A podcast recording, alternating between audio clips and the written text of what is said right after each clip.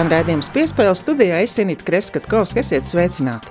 Šajā pusstundā dzirdēsim vienu no Latvijas futbola jaunajiem talantiem - Robertu Udriķi, kas joprojām atrodas Šveicē un gaida sezonas atsākšanos. Jānim Baumanim pasaules rallija krosa čempionātā nāksies sevi pierādīt jaunā komandā un arī pie cita autostūras. Neklātienē paviesošos arī alūksnē pie jaunajiem biatlonistiem, kuri gandarīti par aizvadīto sezonu un iespēju debitēt pasaules kausā. Ķīnā dzīve sāk atgriezties ierastajās sliedēs no 9 miljonu pilsētas. Raidījuma ievadā dzirdēsim Igoru Miglnieku, kas jau astoņus gadus strādā basketbola čempionu vienības treneru kolektīvā.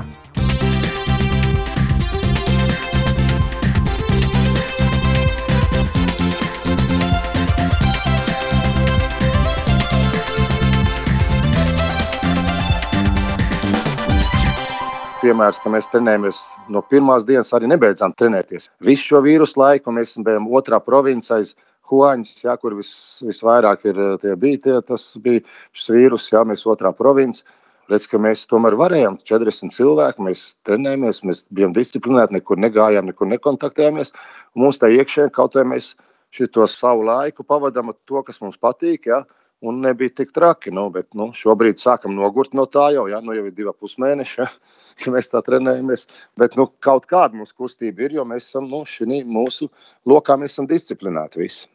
Tāpēc saka, ir grūti pateikt, un gribās, lai ātrāk, un kaut kad jau skaidrs, ka viņam kaut kad jābeidzās. Bet visgrūtākais tas, ka mēs nav arī šeit. Nav pateikts, nu, viss, nu, mēs pieņemsim līdz, līdz, līdz jāņem, viss būs kārtībā. Ja? Nu, labi, tad paciešamies. Tas visgrūtāk visiem ir izturēt, ka viņš nenoteikts ir. Tas ir, tas ir grūtākais, kā visiem jāsaņemās. Nu. Saviem sūta bučs, jā, un, bet arī jā, tās sajūties tieši šodien man ir tas Sigītas Kavarauskas, jā, kas arī ir lietuvietis, tas pa fizisko treneru.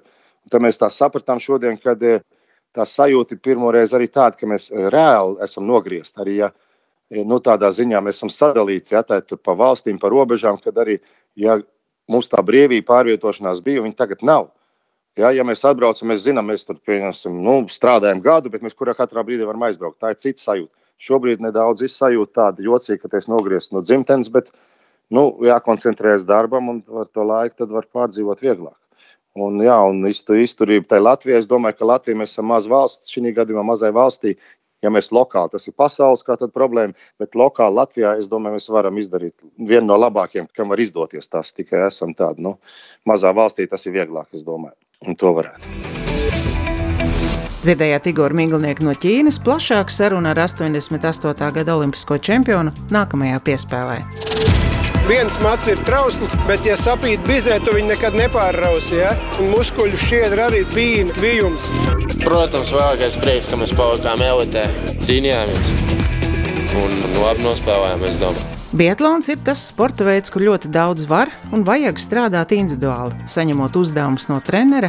Praktiski sezona beidzas uz dažiem mēnešiem, lai, piemēram, veiksmīgi pabeigtu skolu, Tad vasaras mēnešos intensīvāks darbs uz rolleriem. Gandarīts par jauno biatlonistu paveikto aizvadītajā sezonā arī Aleksandrs Mērāns, sporta centrs Mežonieki bāzes vadītājs Alūksnē. Prieks par jauniešiem, kuri bāzē trenējušies, un šajā sezonā arī izdevies debitēt pasaules kausa līmenī. Nu, jāsaka tā, ka mums sezona pēdējās sacensības jauniešiem beidzās līdz ar ieviešanu piesardzīgo no 12. marta, tā kā iepriekšējās sacensības mums notika OTP braucam, piedalījāmies Igaunijas čempionātā.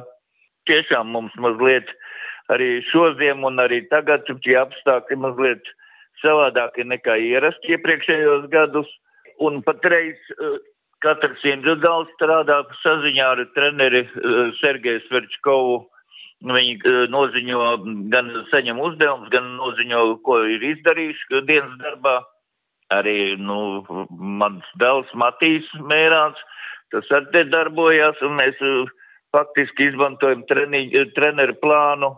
Māsām buliņām ir mazliet savādāks individuāls darbs, jo viņām šogad ir 12. klase, Un arī, kā jau es teicu, Talseniekam Birkentālam arī šogad ir jābeidz skola, līdz ar to viņi pievēršas lielāku darbu veids uh, attālināti mācās, lai uh, sekmīgi beigtu mācību iestādi. Nepārprotam ir gandarījums par uh, līdzdarbību izlases gatavošanai iepriekšējai sezonai, jo iepriekšējā vasarā pie mums notika četras nometnes, ko vadīja galvenais treneris Māris Čakars. Prieks par mūsu alūksnietiem, meitenēm, jaunām, talantīgām, kuram, protams, ir uh, apsveicami rezultāti, bet, nu, ir arī kļūdas, pie kurām katrai no māsām buliņām ir jāstrādā. Prieks arī Birkentālam, kurš pie mums te darbojās nometne un, un sakārtoja šaušanu un arī slēpošanu un fizisko sagatavotību. Teiksim, malūksnē realizējas tāds individuālā sporta veida uh, process, jo faktiski visi ievēro to, kas ir nepieciešams. Un svaigā gaisā ļoti daudz gan, gan sportisti esošie, gan bijušie, gan arī uh, cilvēki ļoti stipri izmanto trases apstākļus, brauc ar rolleriem, ar riteņiem. Nu, ļoti jauki tā, ka cilvēki rūpēs par savu veselību, mazāk domā par to ļaunumu, kas ir pienācis visai pasaulē, bet vairāk domā par savu veselību un, un brīvā laika piepildīšanu pozitīvā virzienā.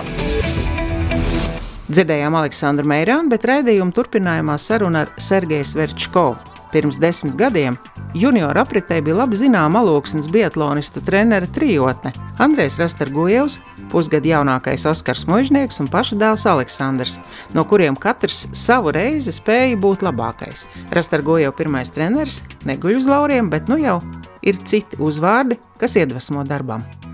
Ziema bija ļoti smaga, tāda sniega šeit jau uz vietas un trūkums, jo nu, tie, kas izlasē, tie jau, jau redzēja sniegu tā kā vajag kārtīgi, bet mēs jau uz vietas šeit jau praktiski mocījāmies sešas reizes sanāca vai septiņas kaptu slēpam un pēc tam atkal kriet un rollerēt pārējā darīt, jā, bet uz vietas smagi bija, bet tie, kas izbraukuma, tiem labāk, protams, ka ar sniegu bija. Kopumā ļoti smags gads tāds ir priekš mūsu veida.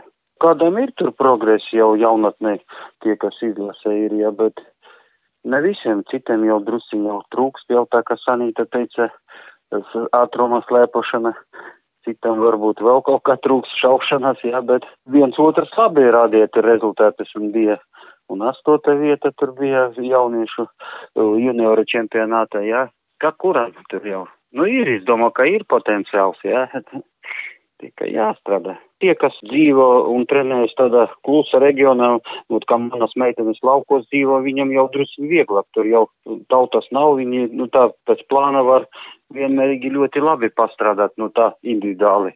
Viss, viss ir tā kā pēc plāna ir strādāts, jā, un tā rezultātus aplikācija sūta pa internetu jau uz WhatsApp, jā, un tad visu laiku komunicējamies caur video caur WhatsApp un jau sarakstāmies. Trūkums, ka ar to šaušanu mēs nevaram tikties nu tā kā vajag jau jau ar to šaušanu pastrādāt vienīgi, ka individuāli labi, bet šaušana tas ir mīnus būs, es domāju, ka krīzes situācija ietekmēs uz šaušanu. Kam ir personīgi, tur jau var turēt plintas, ja tie varbūt jau var pastrādāt mājās vismaz tukšošanu, ja patstāvīgi individuāli paši, bet kopumā mēs nevaram strādāt, nu tā, tā kā neatļauj mūsu tā visa situācija. Viņš bija tāds motivators, ka es arī gribu būt tur, kur ir viņš un darīt to, ko viņš dara. Ibūka kausa posmā Itālijā supersprinta kvalifikācijā no Latvijas dāmām visaugstāk finišēja Sanita Buliņa. Jaunie biatlonisti uzrādījuši labus rezultātus arī Eiropas jaunatnes olimpiādē gadu iepriekš. Sarajevā Sandra Buliņa sprinta sacīkstēs apsteidza savu dviņu māsu Sanitu, un abas māsas ir rūdījušās gadiem uz treniņiem braucot ar velospēdu. To piespēlē apstiprināja arī Sanita Buliņa. Mēs nedzīvojam pašā alūksnē, bet mēs dzīvojam 10 km no alūksnes, un tad mēs uz treniņiem. Katru rītu vasarā braucam ar riteņiem un no treniņiem arī. Dažreiz sanāk divreiz braukt uz treniņiem ar velosipēdu. Arī dažreiz arī sanāk rudenī braukt ar velosipēdu, bet mums tas nesagādā problēmas. Mēs to uztveram kā iesildīšanos un atsildīšanos. Ļoti iet pie sirds riteņu braukšana. Protams, tā bija ļoti liela pieredze startēt tik liela mēroga sacensībās un redzēt, pasaules elites atlētus. Safetē iznā, sanāca izšaut, bet, uh, protams, slēpojums ir krietni atšķirīgs no elites sievietēm, tāpēc neizdevās īsti nodot stafeti, bet esmu priecīga, ka sanāca izšaut. Protams, ir ar kaut ko jāsaka, tāpēc esmu priecīga, ka mēs vispār uzlikām Latvijā sieviešu komandu. Nu, es domāju, laiks būs diezgan vajadzīgs, jo ir ļoti daudz jāieliek. Es domāju, ka Māris ir īstais cilvēks īstajā vietā un noteikti viņš spēja mūsu komandu pacelt uz augšu gan slēpošanu, gan roller slēpošanu ļoti daudz ietekmē tehnika, ja mēs esam konkurētspējīgas spēka ziņā, bet uh, ja tehnika ir ļoti, nu, vāja attīstīta, tad uh, ļoti daudz var pazaudēt laika. Sākumā jau bija Sergejs Svečkovs, bet šogad mums arī Māris Čakars piesaistīja Anatolis Šmiguns, kas mums arī nedaudz lika pamatus slēpošanas tehnikā.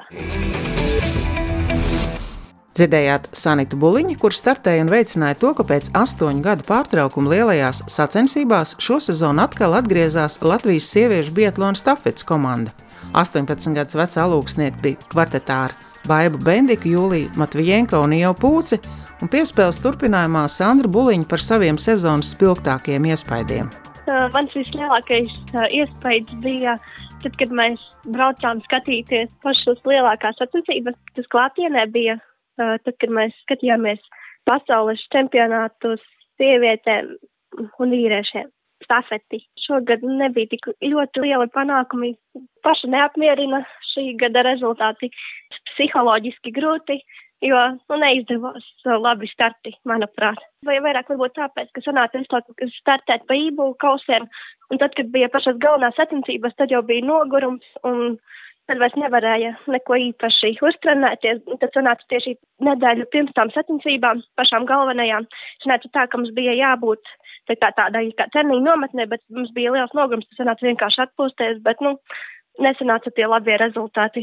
Šaušanā būtu jāpieliek pilnīgi viss, gan, gan precizitāte, gan ātrums, pie tā daudz jāstrādā, jo salīdzinājumā ar pasauli mēs ļoti daudz latviešu zaudam. Parasti pavasarī mēs daudz skrienam, nu, pavasara mēnešos mēs skrienam, darb, pēc tam arī ir spēks un pēc tam kaut kādā maija beigās uz rolleriem sākam kāpt braukt. Tā ļoti grūti ir, jo tad ir jautājums, kā tiks slikt eksāmenu un kā pabeigta skola tas vēl ir jautājums, kā nu, izlems valsts, kā tiks kārtot eksāmeni, vai viņi netiks kārtot un vienkārši izliks vidējās atzīmes, un tad, kad stāsies augstskolā, tad būs jākārto eksāmeni. Ļoti ceru, ka izdosies būt arī top 10 sieviešu sastāvā, bet pie tā ir ļoti daudz jāstrādā.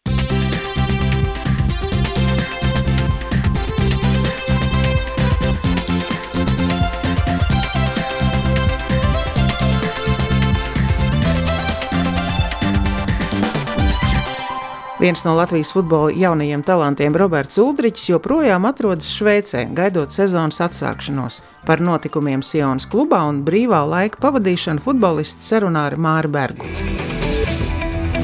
23. februārī Šveices čempionātā nospēlējāt maču pret Lugano komandu, bet nākamo spēļu kārtu nedēļu vēlāk tā arī nesat sagaidījuši joprojām.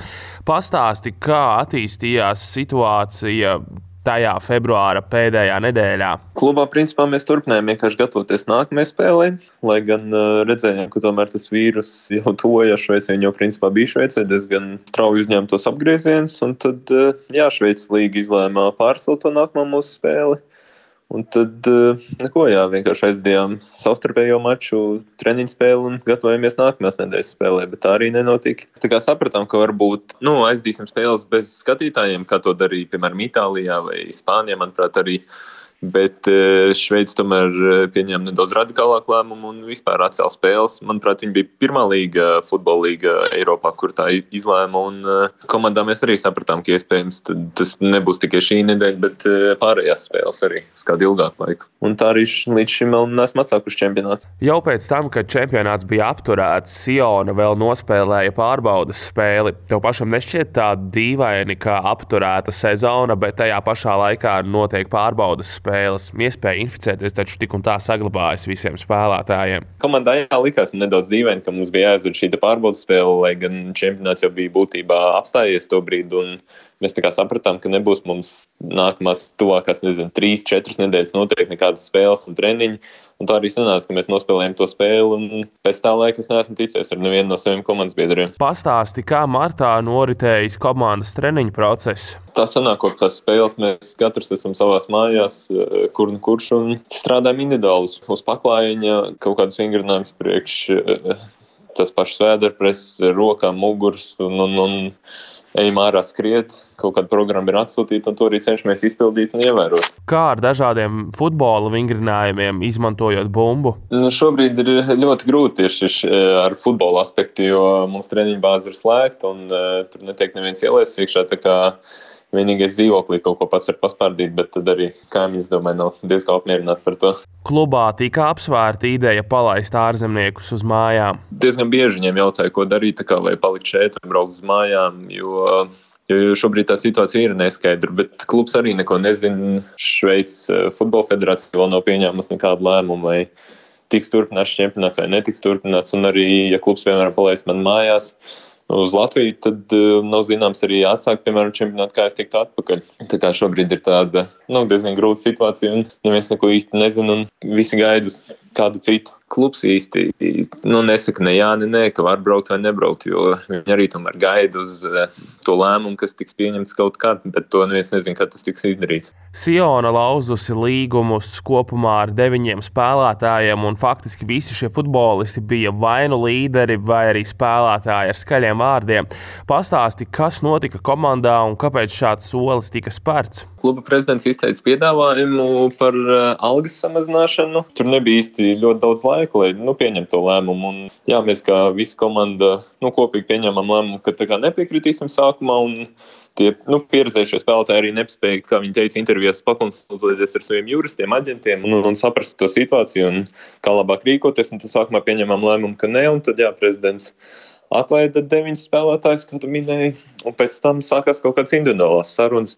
Un, un, un, jā, un pēc tam arī piekritam piedāvājumam. Runājot par uh, līdzšinējo sezonu, esat viena astotajā vietā, un droši vien šāds rezultāts nav tas, ko jūs paši gribējāt. Nē, protams, tas nav. It īpaši, ja ņem vērā, ka mēs aizdījām pirmo apli, kad bijām tabulas pašā augšā, kur, manuprāt, otrajā vietā pat vai pirmajā pēc kaut kādām spēlēm bijām. Tā kā, jā, neesam apmierināti, bet tāpat laikā mēs vēl bijām kausa izcīņā palikuši, un, un, un tas arī ir nozīmīgi šim klubam. Kāpēc tad rezultāti šo sezonu ir tik pieticīgi? Tie varētu būt vairāki apstākļi, jo pirmkārt mēs ļoti labi uzsākām to tieši sezonas sākumu, aizdījām daudz pozitīvus mačus, manuprāt, septiņas uzvaras kārtas tajā posmā kopš uh, sezonas sākuma jūlijā līdz septembrim. Un tad arī nomainījās mums treneris. Sezonu līdz galam aizveda treneris nu, palīgs un uh, dublēru komandas treneris. Pēc tam jaunajā gadā atnāca jauns treneris, viņam bija kaut kāda cita vīzija, kamēr viņš saprata, kā viņš grib spēlēt, ar ko viņš grib spēlēt, kurš spēlētājs izmantot. Varbūt tas laiks pagāja, un jā, viņam sanāca vienu punktu izcīnīt piecās spēlēs. Tā kā grūti, grūti mums gāja šo zonu. Arī pašam personīgi sezona noteikti ne tā labākā. Būtībā kopš oktobra neesi spēlējis sākuma sastāvā. Kas un kā šogad ir noticis? Tā kā var sadalīt to sezonu divās daļās, kad mēs sezonas sākumā uzvarējām un viss mačs aizdīja startu 11. Tieši tad viss gāja ļoti labi. Pēc tam, pēc tam sākās tas grūtais periods, kad, manuprāt, mēs, man liekas, uzvarējām septiņas spēles Un, nu, pēc kārtas, un es, manuprāt, sešas no tām sāku pamatsastāvā. Pēc tam, kad minēju vienu sākuma sastāvā, es tikai aizdīju, mēs 17 spēļu laikā tikai vienu uzvaru izcīnījām.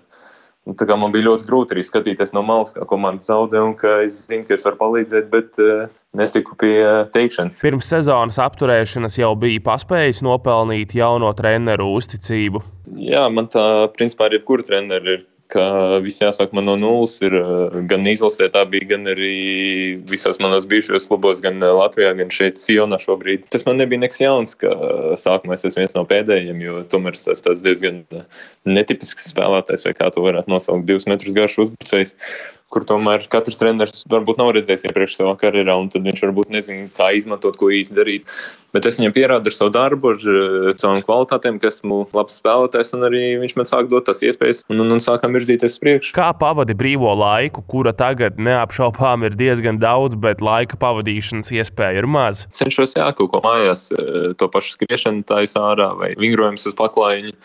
Mm, kaut kādas filmas, skatos, Placēta paspēlēju. Franču valodu nedaudz cenšos labāk apgūt, ko es jau biju iesācis. Jau minēju, ka uzspēlēju Placēta. Tagad, piespiedu pauzes laikā, daudzi jaunās paudzes sportisti izmanto laiku, lai kārtīgi izspēlētos video spēles. Arī es pievērsies šai laika pavadīšanas metodei. Jā, tas laiks ir apmēram tikpat liels, vienīgi tad tu esi vairāk nogurs un varbūt tu nevēlies to tērēt vēl lieki enerģiju uz Placēta spēlēm. Tad ir tiešām tā tu uztaisīji to savu treniņu stundu vai divas, un tad tev viss diena ir brīva. Tu pat eh, nebija jābrauc uz treniņu bāzi, jātiekas kaut kur, nevar iet ārā ēst nekur uz veikalu, un tad tā laika ir tik daudz, ka tiešām varbūt, varbūt kā tu minēji, ka Amerikā teikt, visi izmanto šo brīdi un, un, un izspēlējis kārtīgi. Daudziem video spēļu cienītājiem droši vien gribētos kādreiz ieraudzīt pašiem sevi spēlē. Tev tāda iespēja ir, tāpēc jājautā, vai FIFA video spēlēs bieži izmanto savu virtuālo tēlu. Es eh, izmantoju iepriekšējā FIFA, jā, es eh, diezgan daudz spēlēju, man arī bija tā savējā kartiņa, 99 reitingi, bet eh, šo FIFA es mazāk spēlēju, es esmu vairāk vairāk spēlēju NBA šobrīd un Call of Duty.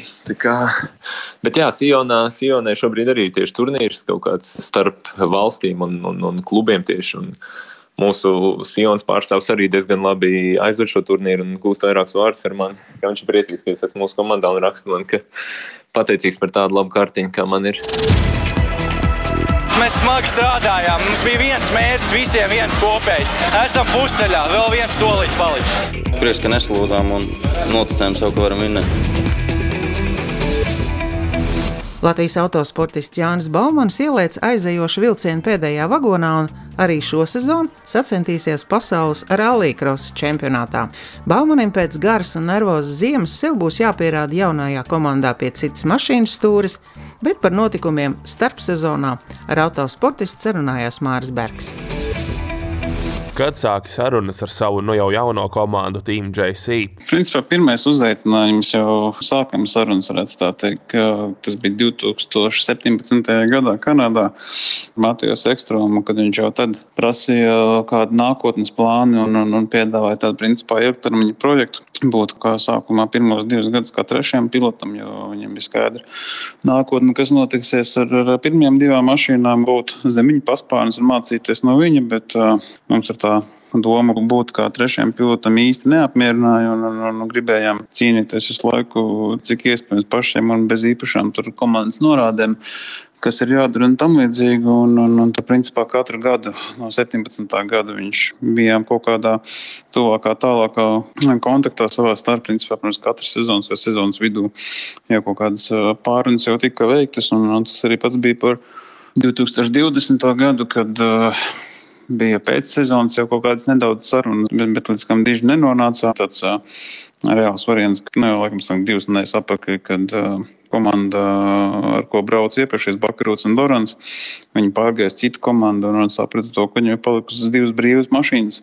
Nu, tad arī atnāca tāds ļoti, ļoti vilinošs piedāvājums pievienoties Robinam Larsonam un braukt kopā komandā ar vēl vienu spēcīgu pilotu. Līgumu ar komandu esi noslēdzis uz vienu vai vairākiem gadiem? Pagaidām līgums ir parakstīts uz vienu gadu, bet, nu, protams, ka tur jau no paša sākuma tas bija viens no pirmajiem jautājumiem. Tur ir, protams, varēja parakstīt uzreiz diviem gadiem, bet, eh, bet sākam ar vienu gadu. Ar, protams, ar iespēju pagarināt līgumu uz nākošo gadu, bet tur jau jāskatās, kāds būs čempionāts, jo iespējams, ka nākamā gada būs klasē varēs piedalīties arī ar, ar, ar elektrodzinējiem. Un tas būs kaut kāds skaidrs gada vidū, un, un principā no tā arī izvērtēs to, kas būs nākotnē. Iepriekš vienā no sarunām teici, ka līgums bija parakstīts, bet paziņojums par to sekoja tikai pēc nedēļas. Kāpēc tā? Jā, nē, nu, joks bija tāds, ka gribējām uh, paziņojumu paši veikt 1. aprīlī, bet uh, organizatori ar to nebija mierā, viņiem vajadzēja pēc iespējas ātrāk paziņot uh, to, kad uh, to, ka pievienosies vēl viena komanda pasaules čempionātā, bet man personīgi līgums jau bija parakstīts jau nedēļu iepriekš. Un, un tad mēs tikai saskaņojam laikus, kad tiks veikts paziņojums. Protams, ka DMG, kas ir organizatori pasaules čempionātā, viņi to gribēja pēc iespējas ātrāk, bet uh, no mūsu puses mēs to gribējām darīt nedaudz vēlāk. Bet, nu, beigās sanāca to, ka uh, trešdienā bija paziņojums, un, un es domāju, ka abas puses ir uh, gan priecīgas. Kā tev vispār izdevās iekļūt pasaules rallija čempionāta dalībnieku sarakstā, jo pieteikšanās čempionātam jau bija beigusies, un arī oficiāli sastāvi izziņoti? Nu, jā, tas nav tāds pavisam vienkāršs solis, kas tika izdarīts, tā uzrakstīts uz FIA, uz Startautisko automobiļu federāciju vai organizatoriem. Tur pirmais solis, kas bija, bija jādabū atļauja no organizatora. Viņi diezgan ātri pateica, ka jā, mēs esam apmieru. Nākamais solis bija dabūt uh, apstiprinājumu no FIA, no Startautiskās automobiļu federācijas. Pagāja, viņiem nācās pagāja kaut kāda, ja nemaldos, 24 stundas, un principā veselu dienu līdz ko dabūja atbildi no viņiem. Tad bija pats grūtākais dabūt no pilnīgi no visām uh, komandām caur interneta vidi simtprocentīgas atbildes jā, kad mēs piekrītam to, ka komandā pasaules čempionātā pievienojas vēl viena komanda. Ar mani kā brauc braucēju, un arī tad visi nobalsoja jā, un bija, visur bija pozitīvs lēmums. Kā, un arī tajā brīdī tikai bija skaidrs, ka mēs varam braukt pilnu čempionātu un aizdīt arī komandas ieskaitē pilnu sezonu un, un krāt punktus. Tā kā tas nenotika tik ātri, tas viss aizņēma principā jau nedēļu, višķiņu vairāk kā nedēļu. Tā kā tas solis nebija tik vienkārši. Ja man arī no sākumā es redzēju, ka tas marta sākumā, kad bija paziņojums par pilnu sezonu un, un, neredzēju tur savu vārdu, bija tā nedaudz dīvaini pēc eh, četriem gadiem pasaules čempionātā rallija bet nu, iekšā tāds eh, iekšējā balss varētu tā teikt, teica to, ka vajadzētu visam būt labi un sakārtējums ar pilnu pasaules čempionātu rallija. Šogad no Ford mašīnām pārsēdīsies pie Audi stūres. Pastāsti, kas tiek uzskatītas par Audi stiprajām pusēm. Es viennozīmīgi pats arī pēc savas tās pieredzes un skatoties to, kā priekšējos gados ir Audi mašīnas braukuši, viņam nozīm, viennozīmīgi ļoti spēcīgs motors, ļoti laba mašīna ir izsvarota un mašīnai vadāmība, varētu teikt, ka tur ir tuvu perfekta. Vēl no pozitīvām labām ziņām ir tas, ka uh, ko, ko, ko mums jau minēja pie līguma parakstīšanas, uh, to, ka mašīnai nebūs jāmeklē regulējumi, jo viss jau ir atrasts par šiem gadiem, kopš viņi piedalās pasaules čempionātā. Viņi ir aizdījuši, kad bija rūpnīcas sastāvā, viņi ir aizdījuši ļoti, ļoti daudz testus. Un, principā, katrā no trasēm, katrā trasē viņiem ir uh, pieci gadu pieredze.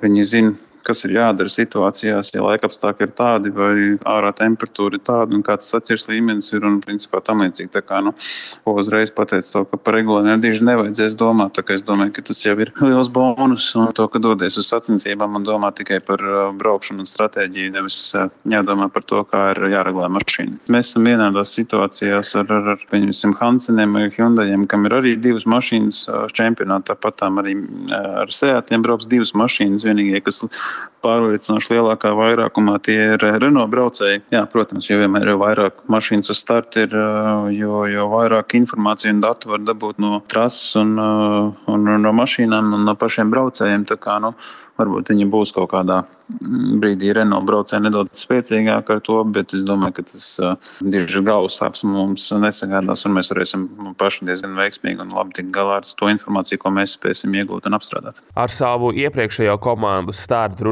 runājāt par iespējamu sadarbības turpināšanu arī šajā sezonā? Mums bija sarunas, protams, ka bija piedāvājums no viņiem arī turpināt piedalīties gan pasaules čempionātā, bet uh, vairāk komandas lietas uz elektrorallija un mēģina attīstīt tās mašīnas. Un, uh, viņi šobrīd ir ļoti cītīgi un attīstīgi turpinās būvēt. Tā kā bija piedāvājums no viņiem gan braukt gan ar elektromašīnu, gan attīstīt to, gan arī paralēli vēl, vēl arī piedāvāja pasaules čempionātā turpināt startēt. Tā kā īsti nebija skaidrības no viņa puses, kas tiks izdarīts ar mašīnu un, un kādu uzlabojumu tiks veikti. Un, tāds bija zem liels jautājums zīmes. Netikām pie kopējas tādas kārtīgas un skaidras atbildes, kad arī tika, tika tāds, varētu teikt, nu, pieņemts lēmums, vai nu mēs braucam pilnu pasaules čempionātu, vai mēs dodamies uz šo te jauno elektrorallija klasi, kas būs, un galu galā tomēr izvēlējāmies par labu piedāvājumu, kas nāca ļoti vēlu un, un startēt pasaules čempionātā ar Audi mašīnām. Varam teikt, ka šī bija nervozākā starpsezona pēdējo pāris gadu laikā. Viennozīmīgi.